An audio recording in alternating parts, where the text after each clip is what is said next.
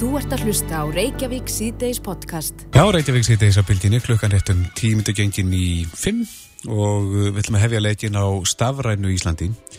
Það er nefnilega heilmart að gera uh, inn á Stafrænu Íslandi, inn á Ísland.is. Já, það hefur náttúrulega verið mikil breyting bara svona undarfarn ár. Þú, maður þarf ekki lengur að vera með vefleikil ríkisskattstjóra á reyðu. Þú getur skráðið inn með ráðanum skiljum. Já. Ég fekk hérna svona pínu nostalgíu kastundaginn, það sem að ég fann allt í unni yfirleiti yfir alla þessa bíla sem ég er búin að eiga í gegnum tíðina. Og eru þeir margir? Allt frá þeim fyrir, nei þeir eru ekki margir. Já. En hérna, en þetta er nokkuð saga þarna en, en þar gæti séð sko gömlu bílnúmerinn og, og hérna e, svolítið upplýsingar um bílan og hvað eru niður komnir. Flestir endar fannir á hugana held ég. Já. Herðu enn á línun er Einar Birkir Einarsson, hann er uh, verkefnastofustjóri Stafræns Íslands, eða maður kalla það svo. Kondur sæl, Birkir? Já, sælumlistar. Er þetta ekki sammála því? Er, er þetta ekki hafsjór þarna af alls konar? Já, það er eiginlega, má segja að það sé kannski mun meira heldur en að fólk gerir sig grein fyrir en, en hérna það sem að verkefnastofuna Stafræns Ísland er að gera núna er að gera þetta jáfnvel ennþá betra og, og hérna sko það er að finna ofnbæra þjónustu á sem um 250 veðis ofnbæra og við erum að reyna að samræna þetta undir Ísland.ri sem minni gátt og meðan fólk getur nálgast þjónustuna á einu stað. Mm -hmm. En hvað er svona helsta sem þið eru það einblina á núna? Það eru, eh, að fólk getur afgriðt sér sjálft. Að við erum með sennilega um 3000 PDF eðublöð á, á nefnu eh, hjá ofnbæra sem að fólk prentar út, fyllir út, skrifar undir og fer með henni stopnun. Þetta er við að gera meira sjálfitt, þannig að fólk geti afgriðsli beinta á vefnum, fyllt út formið, sendt inn og fengi afgriðsli sjálfkrafa. Þannig að við erum að tengja saman þjónustu marga stopnuna til þess að, til þess að veita, veita þjónustuna. Mm -hmm. Eru, eru langt flestar ofenbæra stopnarnir komnar hann inn? Uh, ég myndi segja allar helstu stofnarnir og við erum með tengingu inn á Ísland.is inn á all flesta stofnarnir uh, hérna hins ofnbæra og, og seitarfjölug. Uh, við erum til dæmis með póstól, ég veit ekki hvort þið viti það að við erum með póstól, allir íslendingar og all fyrirtæki í Íslandi eru með póstól sem að þau fá, fá sendingar frá hinn ofnbæra inn á eins og fastirnagjöld eða, eða þýmlikt, þannig að þannig tengja stofnarnar velinn. En uh, við erum sko núna þetta átak sem að uh, hóst við kannski svona, svona tveimur árun síðan og við farið að, að svona bera meira á hérna hefur gengið út á það að gera, gera þetta mun aðgengil og notendavætna einhvern veginn fyrir fólk og ég held að fólki eitthvað að sjá mikil mun á þessu ári á hversu, hversu hérna notendavætna þetta umhverfi og hvernig ofnverð þjónusta verður meira svona stafrannu sjálfurk. Mm -hmm. En það er að gera íminnslegt eins og að panta tíma hjá heimilisleikni. Uh, getur þú nefnt okkur svona fleira sem að kannski fólk átt að sitja á að hægt er að gera? Já, ég meina það er nú, þú veist, það er svona fyrir dæmi bara eins og eitthvað eh, endur nýja livseðilega þar komast þar inn, inn, á, inn á það. Eh, það er þetta eins og segir tíma hjá lækni. Það er þetta hjá yfirlitum um bílanæna, þú, þú sást það líka, heyrði ég, og, hérna, og eins með bólusetningar og, og, og þýmlíkt, en svo er við að, hérna, uh, að fara eiginlega trúa hann inn fleiri fyrstu, hérna, eins og við svona, sækjum fæðingarorl og þýmlíkt, fullt af eifurblöðum hjá síslumönnum sem að er öllum stærðum að ger, gerðum allt frá sækjum barnameðla og ég veit að sækjum sko að hérna sínubrunna ég veit ekki hvað og hvað sko. Já, þá hvað ekki sín. það er líka hægt. En, en kemur þetta til með að hraða ferlinu þá?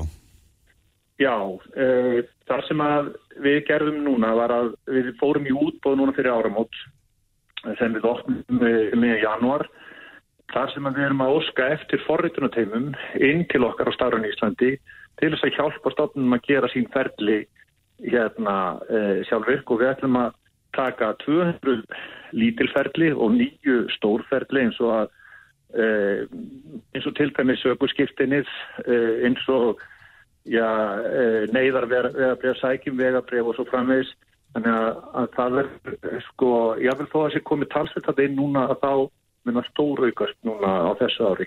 En núna eins og, eins og hún Ásla Arna saði hérna í gær með, mm með uh, rafræna aukurskýrtinni mun þetta koma til með að döga sem bara skilriki þegar maður þarf að framvísa skilrikium eins og til dæmis bara í uh, nú kannski vinnbúðinni mm -hmm. Sko þetta verður jafn gilt íslenska skilrikinu hér á Íslandi eh, hérna þannig að þú getur nota þetta sem persónuskilriki hvar sem er eh, ekki bara til þess að sann og þú hafur aukuréttindi heldur, heldur líka eins og ertu aukuréttindin en við þurfum sko uh, eða svona samrændari lögjöf á milli landa ef við ætlum að nota þetta til dæmis í Európu mm -hmm. en það er svo verkefni í gangi á vegum Norrlandaráð sem að, um að tengja saman þjónustu Norrland reyndar Ístrasarsvíkjana og ég e, gæti alveg átt vona því að þetta er eina þjónustum sem var að bjóða þannig að ef þið eru stött í Danmörku lögreglan stoppar ykkur og þá getur við sínt þetta skýrtinni e, þó að e, það sé raun og ekkert kannski alveg veist, komið en, en þarna, þarna stefnum við.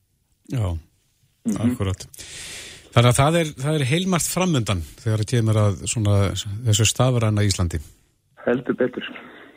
Og hægt að skoða þetta inn á Ísland.is.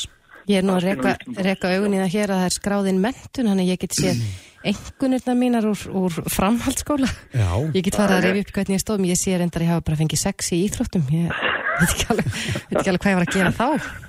Það er alveg rétt. Þarna er að koma inn fullt af upplýsingum enna úr mentakerfinu og, hérna, og við erum einmitt að tengja saman eins og í kakast framhaldsskólunum að, að fólk geti einmitt fyrst með börnarna sínum og börnin sjálf eh, skoða, skoða hérna, allt um sig í skólunum. Mm -hmm. Og svo er hérna upplýsingar um uh, fastegnir, það er að sefa fólk á fastegnir, það er brunabótamat og, og annað fíanlikt. Mm -hmm. Akkurat, akkurat. Já. Það getur skipt um lögheimili og, og alls konar. Og, og nafn ef að því er að skipta? Og nafn ef því er að skipta, já, akkurat. Já. Mm. Einar Birkir Einarsson, verkefnastofustjóri, Stafræns Íslands, kæra þakki fyrir spjallið. Takk sömleis. Læsfleis. Þú ert að hlusta á Reykjavík C-Days podcast. Já, ég er Reykjavík C-Days. Ættu við ekki aðeins að ræða um Wuhan? eða koronaveiruna. Við búum að ræða svolítið um Wuhan en uh, ja, þetta eru ekki góða fréttir. Nei, síður og svo. Nú er búin að greina uh, þessi tilfelli í öllum hér eða í Kína uh, sem að lítur á því að þetta dreifist hansir hætt. Já, þetta komið til nor Norðurlandana. Einmitt. Og það var rætt, ég sá möguleiki var rættur á fundi í gær hjá viðeigandi aðilum, hvort að það væri eftir að loka landinu.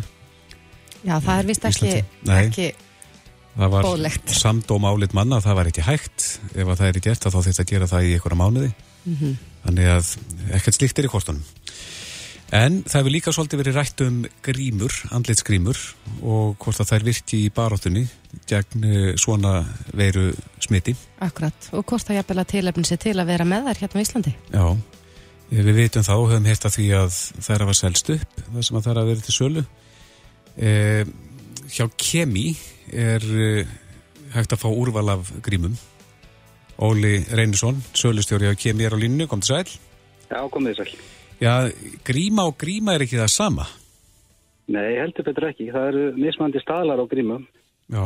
Það, það skiptast í þrjá mismandi staðlar sem er P1, P2 og P3. Mm -hmm.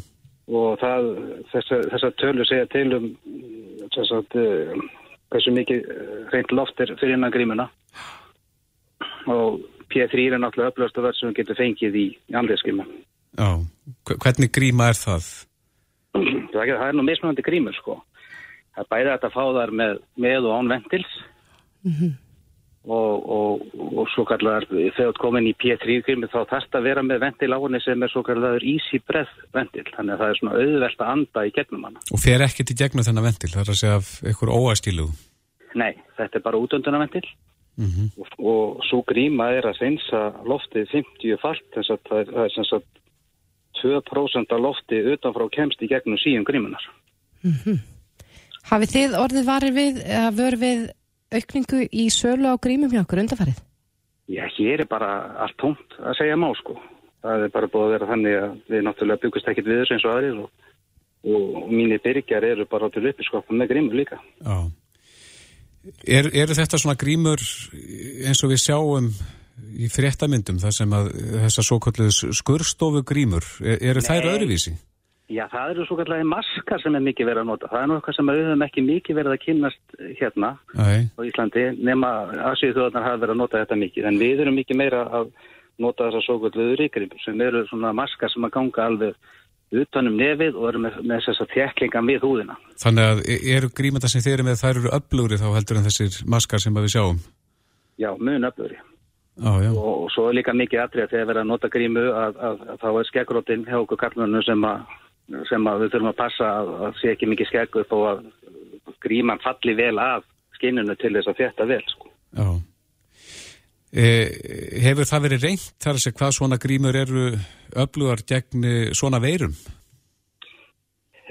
Ekki, ekki, sko, mér að vitandi, jú, eflust eru, eru til fullt af skýrslum og, og pröfum hvað það var það, sko, en P3 grímu þarf að nota svæðum það sem er að runni með bakteríum enga loft og krabba með svo faldað efni, steinull og, og svolítið, sko, þannig að, þannig að þar dögar engin annu síðan eldur en P3. Nei, en þá ertu komin í hérna svolítið græju eða ekki? Er, nei, nei, nei, hún er, hún er, hún er óskup álíka sko í, í umbáli og annað sko, þannig að þetta er eini munun er sá að þegar komið P3 í grímu þá er, þá er svona erfið að randa í gegnum hann, því að mm. það er mhm. svo mikið fyllturinn á önduninni. Já, er þetta dýragrímur? Já, það er, sko, þessar P3 grímur, það er að kosta svona, þetta er 1500 krónur stikkið sko. Mm, og er þetta einnota þá eða hvað? Nei, þetta er ekki einnóta. Þetta er náttúrulega snýst allt um umgengni og umkörfi þar sem að nota grímuna. Ef þú, ef þú gengur vel um hana og það kom alltaf pakkaðir inn í plast, Nei, ef þú ert ekki að nota hana og setur, setur hann inn í plasti og það er svo mikið aðtriði að það sem er svona auðvelt að anda út um hana, þá er minni rakamyndun inn í grímunni. Þannig að það er svona þarf aðeins að meta, meta hana þegar þú ætti að nota hana hversu feinar hún er eiginlega búin að gera það sem hún á að gera. Sko. Já. En þú segir Óli að, að hillunar eru nánast tómar hjá okkur. Er, er erfitt að fá og bæta á byrðir? Það segja... Já, það er bara mjög erfitt. Fyrstulega erum við náttúrulega með frakt tíma sem er alltaf þrjá til fjóra vikur. Og mínir byrkja sem er bæða spánu í Danmörsku og viðar sem við verðum aðtöða hjá, þeir eru bara upp í skoppa. Sko. He heimspinnin kallar? Já, já. Og þess að Kína búið að hafa sambandið okkur að við getum skattaði með eitthvað. Sko. Já. Já, hefur verið mikið um, um ágang þá ferðamanna sem að vilja kaupa? Já, já, já. Hér hafa mætt, mætt rútur með fullta fólki og fyllt búðuna til að versla grímur, sko. Já, já. Og allt tómt núna? Það er allt tómt, já. Það er bara þannig. Við erum að reyna að retta okkur eins og við mögulega getum. En þetta lítur ekki dvoðlega vel út hvað, hvað grímu fyrir þeir varðas. Nei, okkur. Þannig að þeir eru ekki að eigið ekki vona á þessu allavega á næstu dögum eða, eða vikum. Nei, við erum búin að vera aðtöða hjá okkar byrjum hvað við geta mögulega gert og, og byrjum flítið afgreðslu og, og bara allt sem hættar að gera en, en hérna, heimurinn er stór og það eru margir sem vantar grímur og, og það er engin undir svona að hann farir búinn. Sko. Nei, akkurat. Óli Reynisson, sölustjóri hjá Kemi. Kæra þakki fyrir spjallið. Takk sem við leiðis. Bless, bless. Ja. Reykjavík síðdeis á bylginni. Ja, Reykjavík síðdeis á bylginni. Lesum þar fyrir að Greta Thunberg Eh, sem er orðin þekkt ég veit ekki hvort hún sé þekkt er hún kýsa vera fyrir þessa baratu sína fyrir gegn hérna lofslagsbreytingum hún hefur uh, fengið napsitt skráð sem veru merki mm -hmm. og við vorum svona veltaði fyrir okkur aðan hvað, hvað þýðir það? Já Hvað er breytið fyrir hana að nafni hennar sé skráð verumerki mm -hmm. og já, er þetta hægt hér landi? En við ætlum að leita til hennar Marju Kristjánsdóttir sem er lögmaður á Lex og er svona sérfróð um vörumerkjarétt og hún er á línni. Sæl Marja. Komið sæl. Herðu, þú varst búin að lesa þessa frétt? Já, ég tók eftir þessi dag. Þetta er mjög áhugavert og, og svolítið óvanalegt verður að segjast. Mm -hmm. Er þetta ekki þekkt að, að, að þekktar personur farið þessa leið? Sko þetta er, það er ekki algengt, nei. Um, það sem að er algengt er, er frekar þá kannski þegar að uh, listamenn, tónlistamenn og, og, og hérna þess að þar aðlar taka upp listamannu nöfn og fá mm -hmm. þau nöfn skráð sem örumarki uh, en, en hérna nei, það er ekki algengt að fólk sækjum og fái skráð sín eigin nöfn sem vörumerki. Það er, það þekkist þó hins vegar alveg. En hvað fælst í þessu? Hvað, hvað, hvaða vernd hlýtur hún fyrir það að skrá þetta sem vörumerki? Sko, í fyrstulegi þá, hérna, þá er rétt að taka fram að hún er virðist bara verið búin að sækja um skráninguna, hún er ekki búin að fá skráninguna nú þegar, kynnti þetta sá ég á, á Instagram-síðinu sem ég gær, mm -hmm.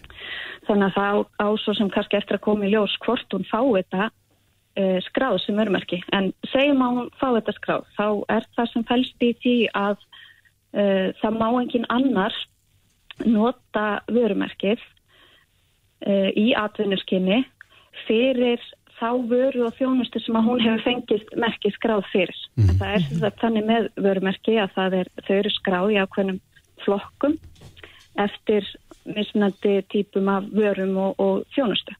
Er það á alþjóðavísu eða bara á okkurum ákveðnum svæðum? Sko vörumerki eru landsbundin alltaf. Þannig að það þarf að skráða í hverju landi fyrir sig. Og þetta er einmitt atrið sem við vitum ekki ennþá með þetta vörumerki hennar. Hvar er hún að sækja um þetta? og í hvaða flokkum. Þannig að verndin takmarkast alltaf við það landsvæði sem að, að merkja er skráð í og fyrir þá, þá flokkað vöru og þjónustu sem það er skráð fyrir. Þannig að það strax takmarkar alltaf vendar sviðið. Mm -hmm. En væri það hægt að sækja um sko, vernd á öllum sviðum, bara, bara svona yfir heldina litið? Í, í stuttu máli, já, það er ekkert kannski sem bannara mm -hmm. en, en eins og með lögfræðina þá er stuttasvarið yfirleitt kannski svolítið erfitt að, hérna, svolítið erfitt að svara stutun og einfaldanhátt mm -hmm. en það eru til vörumerki það eru þá sérstaklega vörumerki sem eru svona alþjóðlega tekt sem eru skráði í öllum flokkum en það er mjög sjálfgeft þannig ég myndi halda að hún, hún er vantala með ykkur að vörumerki rákjafa sem að hafa hjálpað henni í því að velja í hvað flokkum hún sækir um og mæntilega tengist það loslasmálum og, og fræðslu um loslasmál og, mm -hmm. og mögulega síðan kannski einhverjum varningi fatnaði og, og eitthvað svoleiðis. Akkurat. Og maður sér þarna á, ef maður skoðar Instagram postin frá henni þar sem hún útskýrir af hverju hún er búin að sækja um þetta vörumerki og þá er það gert til að reyna að koma í veg fyrir að, aðrir, ótengtir aðilar henni, hagnist á hennar nafni. Mm -hmm. En getur uh, þú... Og það sem er... Já fyrir kemur. Ég ætla að segja sko að það sem er grundallaratrið fyrir því að vörumerki fáist skráð uh, er að það sé eitthvað auðkenni sem er notað fyrir vöru eða þjónustu og í atvinnu skinni og það er ekkert grundallaratrið og það er náttúrulega fæstir sem að nota nafni sitt í atvinnu skinni og það kannski skýrir að miklu leiti uh, hvers vegna það er svona sjálfgeft að nafn mannanöfn séu skráð vörumerki. Mm -hmm. Það segir einnig fréttablaðin að, að Greta segir að nafnsitt hafi verið misnotað fyrirtækjum og eistaklingum sem vilji græða á því. En uh, er eitthvað um það að, að fólk hér hafi farið þessa leið? Nú eru margir þekktir einstaklingar sem að, sem að gætu alveg viljað og, og eru með, hérna, má segja að nafnið er að séu vörumerki? Já, sko ég þekki bara sennilega ekki þess dæmi. Ég tók svona stutt að leita á hann á nokkrum þekktum einstakleikum í hér á landi hvort að þeir væru með nöfnum sín skráðsum vörumerki og ég gæti mm. ekki sé það. En það er hins vegar kannski rétt að taka fram að í vörumerkja lögunum þar sem er, er talin upp í stæmi um hvað geta, hvers konar auðkenni geta fengist skráð sem vörumerki og þar er talað um orð og slagord og mannanöfn. Þannig að það er í sjálfu sér ekkert sem að bannar það að mannanöfn eru skráð sem vörumerki. Mm -hmm. En þá svona listamannsnöfn? Já, eða dæmi um bara dæmi um listamannsnöfn sko, það er mun algengar erlendis uh, það þekkist hérlendis að einhver leiti, ég veit til dæmis að herran Hetusnur er skráðvörumerki fyrir ymsaflokka mhm. mm -hmm. en það verðist vera algengar erlendis en það er eitt áhugavert í þessu sem er kannski vestanefna líka að ef að til dæmis Jón Jónsson tónlistamæður myndi sækja um nafni sitt sem vörumerki og, og segja um það að, hugverkastofan telpi vörumerkið Jón Jónsson fylla uppfylla öll skilir í lagana mm -hmm. að þá er sérstaklega tekið fram í vörumerkilögunum að uh, sá sem á skráð vörumerki að hann getur ekki banna öðrum að nota sitt eigið nafn í atvinnuskinni. Þannig að annar Jón Jónsson geti þá já, komið fram á sjónasvið? Já, Jón Jónsson, tónlistamæðurinn sem við þekkjum öll, hann gæti hugsanlega fengið nafnsitt skráð sem veru merki fyrir tónleikahald eða eitthvað svo les. Mm -hmm. En hann gæti ekki bannað öðru manni sem heiti Jón Jónsson og spilar og gítar að halda tónleika og auðvisa þá undir sínu nafni. Já, já. Þannig að það kannski útskýrir líka að einhverju liti ástæðana fyrir því að þetta er ekki svo algengt. Nei. Það er einfallega sterkara vörumerki að nota eitthvað tilbúið nafn, eitthvað listamannina. Eins og herra hnettismjör. Já, al, akkurat. Já, akkurat.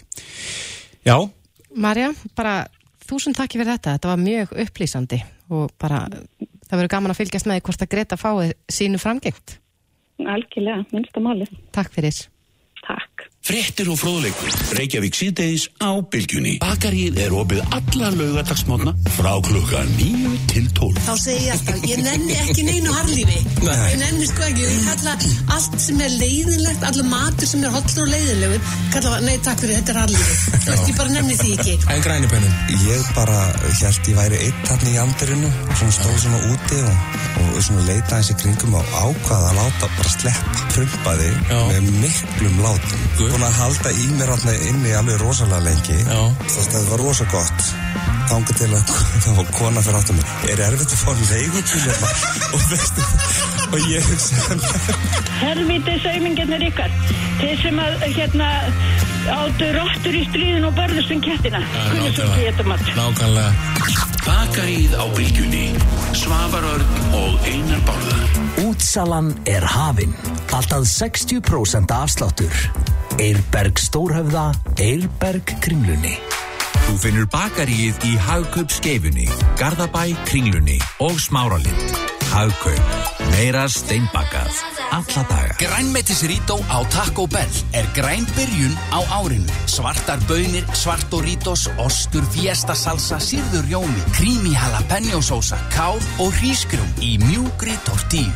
Köftu máltíð og fáðu gós, svartoritos og nacho sósu til hliða. Kaliforníu rúsinur í eftirmann. Grænmetisrító, aðeins í takmarkaðan tíma. Taco Bell. Úlala útsala. Síðustu dagar útsölunar framundan og enn meiri verðlækkun. Götumarkaður í fullum gangi. Núna er tíminn til að leifa sér. Opið til nýju í kvöld. Kringlan af öllu hjarta. Já, góður áhörundur, engin blaðmann fundir allar þjóðirnar búnar að aflýsa sínum fundum ástæðan og mikil spenna. Já, það er eiginlega of stór pottur, liðin er ekki að höndla pressuna. En er þá ekki tæki fyrir okkur Íslandíka með Ponsu Grís? Nú stefnir hann í 11,5 miljardar. Eurojackpot, Evrópukeppnin í hefni. Alla förstu daga. Viltu svífa út á dansgólfið með elskuna þína í fanginu? Þú fær 10% afslátt af byrjandanámskeiðum með afsláttakóðanum DANS á dansoyoga.is Sjóvá er efst tryggingafélaga í ánægivóginni þriðja árið í rauð. Við gleðjumst yfir því að viðskiptafinnir okkar séu ánægari. Gerum tryggingar betri. Sjóvá. Það er opið allan sólarlingin í Hagkaup skeifunni og Hagkaup Garðabæ. Hagkaup. Meira opið. Alla daga. Veri velkomin á fermingarveislu síningu Garðheima um helgina. Sjáuð glæsilega uppsett veisluborð og fáið fullt af hugmyndum fyrir veisluna. Garðheimar. Þú finnur pítuna í skipoltinu. Pítan, alltaf fersk. Frumsýning á fjórhjóladrygnum Peugeot 3008 tengilt fyrir njeppa á laugadaginn í Reykjavík og á Akureyri. 300 hestöfl, 59 kílómetrar á 100% hreinu rámagni. Komtu og kerðu Peugeot. Rimborg. Risa útsala húsgagnahallarinnars er nú í fullu fjöri. Alltaf 60% afsláttur. Komdu og gerðu frábær kaup. Húsgagnahallin, Reykjavík, Akureyri og Ísafyrði. 105 koffínvatn er ferskur og hressandi drikkur. Taktu þátt í leik á vísi.is. Vinningurinn er hvorki meira en ég minna. Frettir og fróðleikur. Reykjavík síðdeis á bylgjunni. Stödd reyndar ekkert í einhverjum embættis erendum eða í, í hérna semst frettamæður í Hong Kong. Já, hún fór þangað í, í heimsókn bara Já. og Ég var svona forvitin að vita hvort, hvernig ástandið væri þarna, hvernig svona hugur fólks væri í Hong Kong þar sem að, að Wuhan veiran er bara vissulega til staðar. Og hún lendir hérna svolítið í ringuðinni, Algjörlega. eða hvað? Nadín, sæl Sæl og blessuð. og velkomin heim, þú komist ósköttuð heim. Já, ég er þannig held það. Ég hérna, kom heim í gær og, og er þannig ennþá ósköttuð og mjög líklega ósköttuð. Já, en hvernig var andrúsloftið þarna í, í Hong Kong þar sem að þú varst? Heyrðu, það var svona kannski, uh, ég sagt, við komum út á, hvernig út, 21. Og hérna, og svona fyrstu tvo, þrjá dagana þá er svona, eru bara svona fyrsta byrjast eftir á þessu og kannski, maður tók ekkert eftir miklu, við náttúrulega fórum bara gætilega en, en, en svona, þetta hafði engin áhrif á okkur. En síðan svona undir lokferðarinnar, ég var svolítið í viku, kom heim í gær, þá svona var manni kannski ekki bara hægt að líta svo blikuna því að það voru bókstaflega allir með grímu út á götu. Það hefur verið svona stígandi í þessu. Já, það var svona, ég mitt, stóð stígandi í þessu, sko. Fundið þið fyrir hræðslu að nóti? Mm, nei, kannski ekki beint hræðislu. En e, maður bara, þú veist, fórum mjög varlega og sýst í manna heima þarna úti þannig að hún þekkir e, heimamenn þaðan og maður heyrði al- heyrði alveg á þeim að það var svona pínu óhugur í þeim eftir að því að þeir var náttúrulega upplifað þetta áður hérna þegar sarsveiran hérna tók yfir hérna árið 2007 með minnis þannig að fólk var svona kannski að rifja upp eh, svona, þetta myndið á á þá, þá tíma en maður finnur samt svona eh, þegar maður kemur hérna heim og fólk er einhvern veginn uh, hrættara en ég held með svona fólk á Íslandi vera bara eiginlega jafnfætt og fólk sem að rætti við að núti eða jafnvel fættara sko. Já, það segir í fréttum að, að nú er búið að greina þetta smitt hérna í öllum hér í Kína þannig að, að útbreyslan er orðin töluverð. Já, útbreyslan verðist nefnilega vera töluverð. Og, og ég hérna, eins og ég segi, ég var hann í Hong Kong og ég, það sé nú ekkert að búið það fyrsta allan að stjast að ég gáði eitthvað tíu uh, smitt þar. Og, og mér veist líka sko og, og fólk kannski svona uff, varst að koma frá Hong Kong en ég held að fólk væri kannski ekki alveg eins ef að uh, myndi ekki bregðast eins við ef ég væri að koma frá París það sem jafnmörg smitt hafi verið staðfest sko. Pínu svona bara því að ég var að nálagt Kína. En heldur að, heldur að fólk sé smegt við að hitta þig eftir að komast heim? Sko, ég hef ekki upplifað það, kannski, nei, ég held að, nei, fólk er verið ekki vera mjög hættið að hitta mig, en fólk spyr svona og, og svona slæra, leta strengi hvort ég svona kom með eh, einhver enkenni og hvort mér líði eitthvað illa sem ég gerir ekki, þannig og, og þá er fólk nú tilbúið að hitta mig og tala með mig, sko. Hvernig fannst þér um borð í flugvílinni? Fannst þér fólk vera meðvita þar um þetta? Já, hérna, já, já, það voru bara allir með grímur og ég, hérna, uh, já, það voru bara hver einn og einasti maður með grímur og því ég lendi í London þá var, þá sem sagt komu heilbriðstarfsmenn inn í vélina og, og gerðu svona uh, tjekka á fólki sem var ekki gert þegar ég kom hinga heim sko til Keflavíkus. Mm -hmm. Hefur þér viljað sjá það í Keflavík? Já, ég, mér finnst það ekkert galið sko, eða, eða allavega sko, mér finnst þetta allt í lagi að væri með eitthvað skilti eitthvað slikt um að fólk sem að hefði verið að ferast til Kína og væri með þessi einkenni skildi gefa sér fram eitthvað svoleiðis Já. en, en það, ég allavega tók ekki, ég var ekki verið við það sko. Nei, en það segir hérna í fréttin á vísi.is að, að Æsland er sér í reglulegum samstiftum við sótarnalækni og það er búið að koma upp einhverjum viðbóta búnaðum borði vélum Æslandir, andlitskrímum, hönskum og sóttrensi efni. Einmitt, ok, það er, það er örgulega bara mjög gott að þessi búið að gera það. Já, en va varst þú með grímu þarna úti? Já, við vorum með grímur, við sem sagt uh, þarna á degi, degi þrjú þegar við fórum að taka eftir því að það voru allir með grímur þá ákveðum við að eh, fara að leita okkar að grímur og fórum enna í öll helstu apotek og búðir og þar voru bara grímurna ástæður uppfjöldar. Mhm, Það svipa ástand á einna heima bara núna. Já, já, núkala. Og, og þá hérna, fórum við sem sagt bara og fórum daginn eftir og þá voru, þá voru komnar eitthvað sendingar þannig að við fengum grímur og vorum bara með það alltaf daga. Já, akkurat. En uh, Nadine, við segjum bara velkomin heim Herri, takk kærlega fyrir það. og hérna kæra þakki fyrir spjallið. Sumulegist, Bless, bless. Bye. Reykjavík síðdeis á Bilginni podcast. Rækjavík sýttis á bylgjunni, aðeins að klukkubreitingum það steyttist nú í að það verið tekin ákvörðun um það hvað á að gera, hvort að eh, við höldum bara tímanum eins og hann er eða að klukkunni verði senkað. Já, og svo sannlega skipta skoðanir á þessu. Já, mér stilst að það sé bara það sem er í stöðunni þar að segja annað hvort að hafa bara stöðun óbreyta eða senkum klukkustund eins og lagt er til. Eh, en við hefum fengið þá spurningu hvort að klukkubreiting stifti ykkur máli. Það sem að við erum svo norðarlega, eh, veturinn er bara eitt svartnætti og, og sögmarið er bara bjart og svo eru nokkru mánuður þar á milli sem að, sem að þetta svona jefnast aðeins út. Já, þannig að spurning hvort að ein klukkustund til eða frá Já, hafa einhverja breytingar í með sig fyrir okkur. einmitt. Erla Björnsdóttir hjá betrisvefn.is, sálfræðingur sem að hefur nú verið í þessum málum og, og var í nefndinni meðal annars sem að var stipið til þess að, eða starfsóknum til þess að fara yfir þessi mál. Er á línunni, komdu sæl. Sælir. Já, hvað segir við þessari spurningu? Stiftir þetta einhverju máli þar sem að við erum með svo íktar aðstæður hér, sömri og vetri?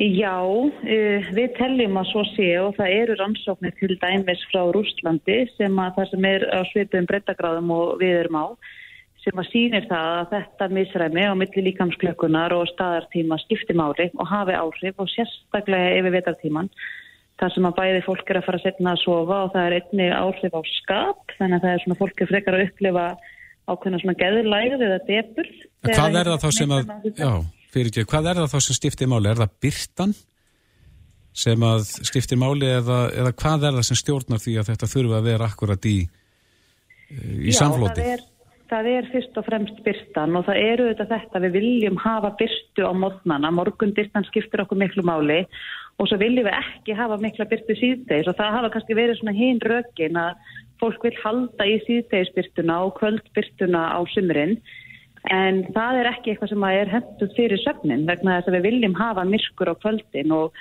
ef við erum til dæmis að fá auka klukkustund af byrtu á kvöldin að það stittir sögtíman okkar um 20 mínútur samkvæmt rannsóknum og 20 mínútur er bara ágetið slutfall af heildar við sérstaklega það sem triðungu þjóðarinn segja svo að 6 tíma eða minna þannig að það getur alveg skipt miklu máli. Mm En Erla, nú ert þú uh, alveg sérfróð um svefn og, og öllu sem því tengist. Segðu mér, hvað er það sem gerist hjá okkur við byrtuna? Sko byrtan hefur áhrif á hormón í líkamannum sem heitir melantónin sem er svona ákveðið svefnhormón og það byrjar að myndast í, lík, í blóðun á kvöldin þegar það fer að dimma og veldur sifji og þreyti og hjálpar okkur að sopna og síðan leiðu við fáum dagstyrtuna á mótnana þá temprast þetta melatonín og orkan eikst og það verður auðveldar fyrir okkur að vakna. Og kannski ástæðin fyrir því að sumir upplifa það yfir vetramánuðina hér á Íslandi að það er erfiðar að vakna og það er kannski meira slen og orkuleysi svona framöftir mótni hjá fólki getur sennilega stafað af því að við séum með mikið magna þessu hormóni í blóðinu fram eftir mótni af því við erum ekki að fá morgun byrtuna og þetta skekkir líkamsklukkuna og senkar enn í flestum tilökum. Já, en þá komum við aftur að upp að spurningunni, þegar að þetta er svona, eru svona miklar öfgar, það er að segja, yfir sumatímana þá er sólinn nánast á lofti við miðnætti. Mm Hvað, hverju breytir það þá svona klukkutíma til eða frá hvort að, Já, það eru þetta eins og segi, við erum á mjög norðlegum slóðum og það er ekki marga rannsóknir til á svipum breyttagráðum og við erum á en það er þessi stóra rannsóknir Úslandi sem að eh, er um 8.000 manna úrtak sem að þetta er skoðað mjög vel og þar er það sínt að þrátt fyrir það síða þessar auðgar í byrtunni að það eru þetta samt að skipta máli og til dæmis þetta með morgunbyrtuna, við erum að stytta þann tíma sem við vöknum í myrku um 6 vikur með því að færa okkur um klukkustund. Þannig að klukkustund munar alveg heil miklu og morgun byrtan er svona eitt sterkasta merki fyrir líkamsklukkuðan til að stilla sig eftir. Mm Nú vorum við aðeins að ræða á þann hérna fyrir þáttinn eh, eins og í Kína til dæmis. Það sem er bara eitt tímabelti. Mm bara eitt ríkist tími? Eitt ríkist tími sem er meðað við Peking eða Beijing. Já, já. Það er samt alveg vitað að fólk lifir ekki allt í Kína eftir þessum tíma. Þannig að það er eitt svona ofinbært tími í Kína en svo er samfélagið á mismunandi tímum uh, á mismunandi stöðum. Þannig að ja. þetta sé svona þessi ofinbært tími. Já, þannig að það fer að sofa bara um hábjartan dag. Já, í raun og veru sko eins og ég segi, það, veist, það, það er ekki raukrétt að það sé eitt tímabelti fyrir svona ábústað stort land. Nei, munar ekki átta tímum þarna millir svona ef allt væri eðlilegt? Jú, akkurat og það er alveg munur á dægur takti fólks í Kína þrátt fyrir mm -hmm. að þessi ofnbæri tími sé sá saman sko. Já, mm -hmm. Akkurat. En uh, hefur þú heilt eitthvað við hverju býstu? Já, ég hef farið á fund núna nýlega upp í fórsetráðneti og rætt þessi mál og ég veit að þau eru að funda með mörgum aðilum og þeim sem að gáðu umsagnir og, og þeir sem sátu í nefndinni og þau eru bara svona að fara yfir allar hliðar á þessu máli og mér skilst að ákverðin eigi að liggja fyrir á fyrsta ársfjórðungi. Þannig að við þetta bara býðum, býðum spennt og ég fór uh, fyrir hendins Íslandska Sættarlunafélags á samt kollega mínum og hérna við rættum þarna saman þannig að, að þau eru líklega bara að yfir þessu. En svo eru aðila sem að standa fast gegn þessu eins og til dæmis uh, flugfélögin og þá Æslandi er. Myndi þetta, já þeir segja að þetta myndi reyðila þeirra tímaplönum? Já, í raun og veru er flest flug með út frá GMT en þetta hefur áhrif á kjærasamninga við flugmenn sem að þeir fyrir þá að byrja að vinna fyrir sex mánuða sem að hérna, er á öðrum kjörum. Þannig að það eru þetta efnaðslega áhrif en það eru líka mjög sterk efnaðslega áhrif af því að svo lítið og vera vanslegt og það gleymst að taka það inn í myndin eða þessar umræðin. Já, akkurat. Áttu vona því að klukkunni verði senkað?